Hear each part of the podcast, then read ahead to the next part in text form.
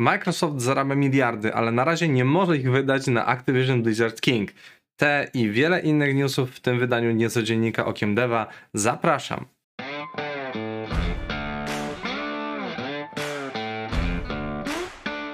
Witam serdecznie, nazywam się Grzegorz Wątroba, a to mój kanał Okiem Deva. W dzisiejszym niecodzienniku, czyli nieregularnym podsumowaniu najświeższych informacji ze świata gier, mamy sporo nowości, sporo nowych informacji, więc zaczynamy. Najpierw doniesienie z obozu, można powiedzieć, zielonych, czyli Kolejne doniesienia, e, tutaj Unia Europejska przeprowadzi ankietę wśród deweloperów, by wyrazili opinię, na ile przejęcie Activision Blizzard King przez Microsoft zaburzy sytuację na rynku. Do 8 listopada Unia musi zadecydować, czy umowa zostanie zatwierdzona, czy musi przejść przez kolejne etapy weryfikacji.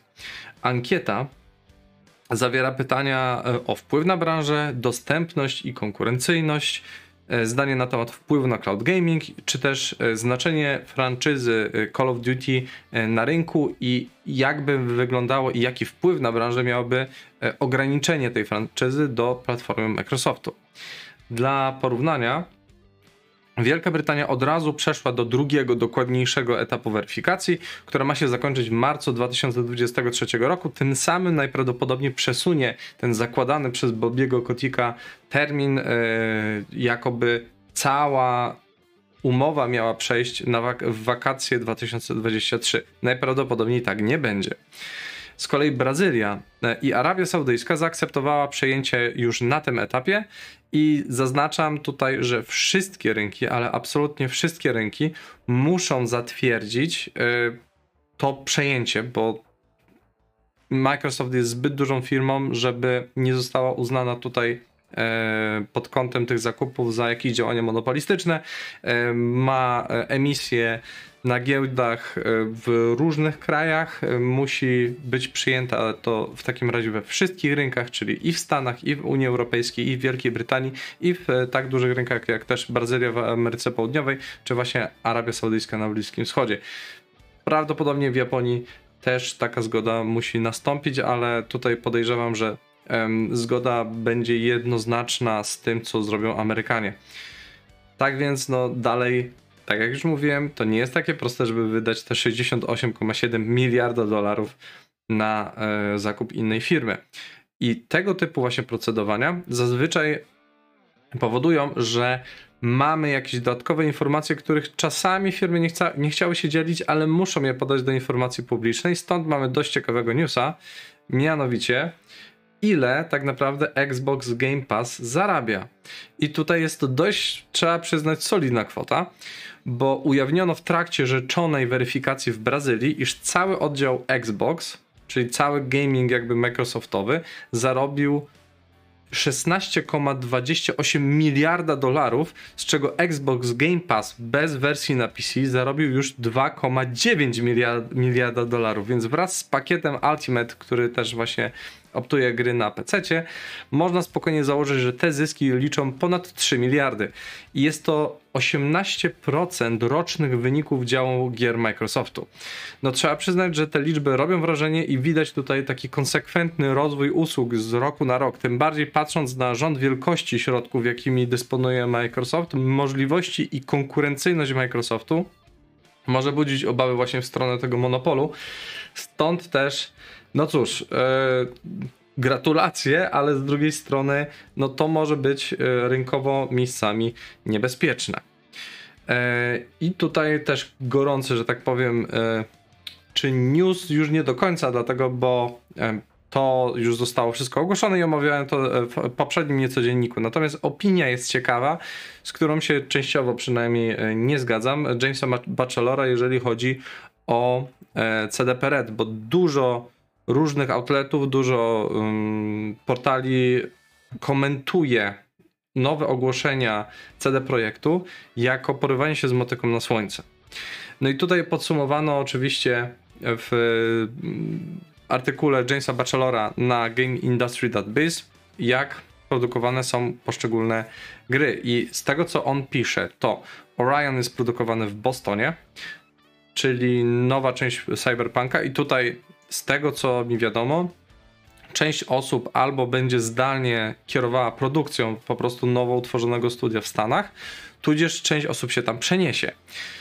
Więc jak to skomentował Skillab na ostatnim materiale, zamieniałem pierogi na Taco Bell. No okej. Okay. W każdym razie jest tam też częściowo odpływ deweloperów z zachodniego wybrzeża, gdzie jest bardzo drogo, gdzie są wysokie koszty życia E, gdzie też niektórzy mają po prostu dość Kalifornii, która jest e, też bardzo gorącym klimatem, ale też często dotykanym chociażby trzęsieniami ziemi, więc no ludzie po prostu chcą zmienić e, wybrzeża Ameryki. Stąd też podejrzewam, że Boston tutaj dostał jakieś też dotacje i dzięki temu właśnie tam najprawdopodobniej CDPRED otwiera nowy oddział i będzie ściągał tam deweloperów.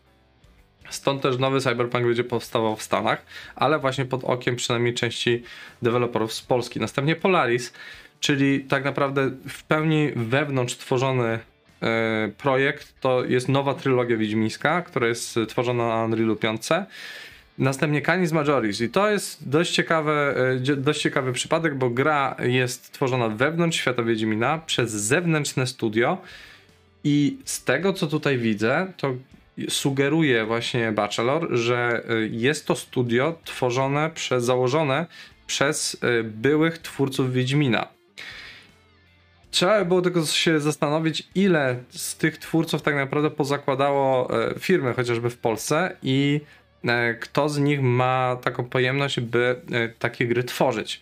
No, z tego co mi wiadomo, to jednym z takich studiów jest Rebel Wolves, ale oni wprost powiedzieli, że nie robią nowego Wiedźmina. Tak więc pozostaje tylko wywnioskować, kto jeszcze e, został, kto mógłby taki projekt uciągnąć. Następnie Sirius, e, czyli spin-off w świecie Wiedźmina tworzone przez inne studio z Bostonu, The Molasses Flood. I tutaj też sugeruje się, że być może to jest jakiś Souls-like, być może to jest jakaś właśnie gra usługa, bo tam mówiono o grze łączącej single i multi. Zobaczymy jeszcze, co z tego wyjdzie. I Haydar to jest kompletnie nowa IP w preprodukcji, które jest tworzone też w pełni wewnętrznie.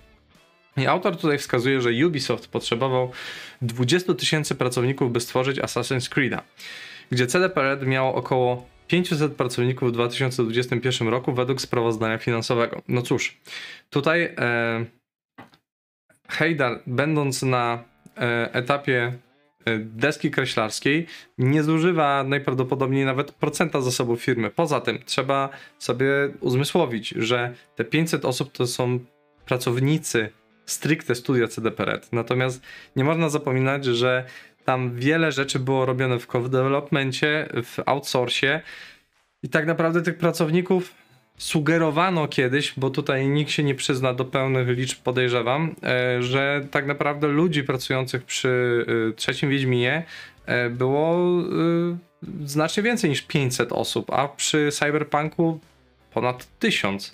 Więc no, to jest oczywiście tylko moja projekcja, także tutaj nie powołujcie się na mnie.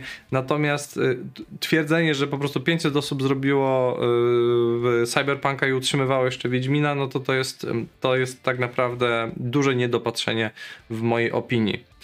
E, poza tym, tak jak już mówiłem, Haydar będąc w preprodukcji, tak naprawdę on zużywa, podejrzewam, bardzo nikłą część zasobów firmy. Dużo osób pracuje nad dodatkiem do Cyberpunka, fakt, i gdzieś to sugerowano, że przy tym dodatku pracuje właśnie 300-350 osób, a reszta już pracuje nad, e, nad nową częścią Wiedźmina. Więc patrząc na to wszystko, gdzie w przyszłym roku wychodzi dodatek do Cyberpunka, a potem wszyscy się przerzucają tak naprawdę na, na kolejne projekty, to nie jest to nierealne, żeby CD Projekt wszystko to uciągnął. Dlatego nawet oddelegowując część osób za granicę, to jest wszystko, co prawda, ambitne, ale absolutnie realne, żeby realizować swoje projekty. Więc tutaj, e, tak jak już mówiłem, trochę nie rozumiem podejścia e, dziennikarzy. Wydaje mi się, że po prostu brakuje im wiedzy na temat tego, jak to funkcjonuje, bądź też bazują tylko na informacjach, które są powiedzmy w sprawozdaniach finansowych, a nie dopytują ludzi z branży, żeby zorientować się, jak to w pra praktyce wygląda. I ja trzymam kciuki za wszystkie zespoły, które tworzą e, nowe gry dla CDP Red i za ich samych, bo tak jak już mówiłem w większości, jak bardzo by mnie Cyberpunk nie zawiódł jako produkt, no to wiem, kto tam pracuje. Część z osób, które pracują w Redach, to są moi dobrzy znajomi, przyjaciele, z którymi też przeszedłem przez różne przejścia w, w devie lata temu i wiem, że to są niesamowici, zdolni ludzie, więc yy, tak naprawdę, jeżeli tylko daje im się szansę, to mogą dokonać naprawdę wielkich rzeczy i mam nadzieję, że po prostu kolejny projekt będzie odpowiednio uszanowany na tyle, że nie będą musieli znowu przechodzić tego, co przechodzili przy Cyberpunku. Idąc dalej. EA e wypuściło nową wersję, nową wersję swojej apki. Mianowicie e, porzucają powoli, przechodząc z e, platformy Origin na EA App. No i tutaj no, nowa aplikacja ma kompletnie przebudowany trzon, jest bardziej responsywna, znacznie lepiej zaprojektowana, moim zdaniem przypomina nieco Xbox App, ale to akurat dobrze, więc też wydaje mi się, że bardziej kojarzy się z marką EA niż sama nazwa Origin, więc podsumowując, jakby moim zdaniem to jest bardzo dobra zmiana. Oczywiście dalej Origin funkcjonuje jako platforma, tam gdzie nie ma jeszcze ogłoszonej apki, to cały czas będzie funkcjonowało, natomiast powoli będzie to wszystko przemieszczane właśnie w stronę EA App.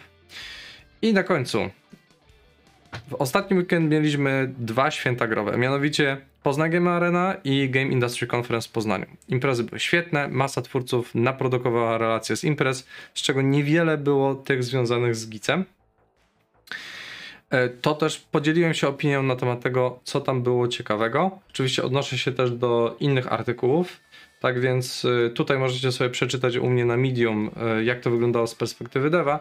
Natomiast no, jeżeli zastanawialiście się, jakie ciekawe gry wychodziły na mm, samych targach, no to polski game dev tutaj wylistował, właśnie Michał Król w swoim artykule wylistował pięknie wszystkie wszystkie ciekawe gry, natomiast no, ja tutaj też wyraziłem swoją opinię na ten temat oraz podsumowałem panele, które prowadziłem, bądź też sam słuchałem, byłem uczestnikiem i e, też podlinkowałem wszystkie streamy z tychże wykładów. To też w momencie e, kiedy bylibyście zainteresowani, wysu zainteresowani wysłuchaniem tego, co się tam działo, to jak najbardziej zapraszam tutaj na, mojej, na moim Medium znajdziecie właśnie wszystkie podlinkowane materiały, z czego pamiętajcie, że one za niedługo znikną, najprawdopodobniej po tygodniu bądź dwóch i one dopiero potem będą obrobione i ym, na bieżąco wrzucane na stronie Game Industry Conference. Także jeżeli chcecie coś obejrzeć teraz, to zachęcam teraz.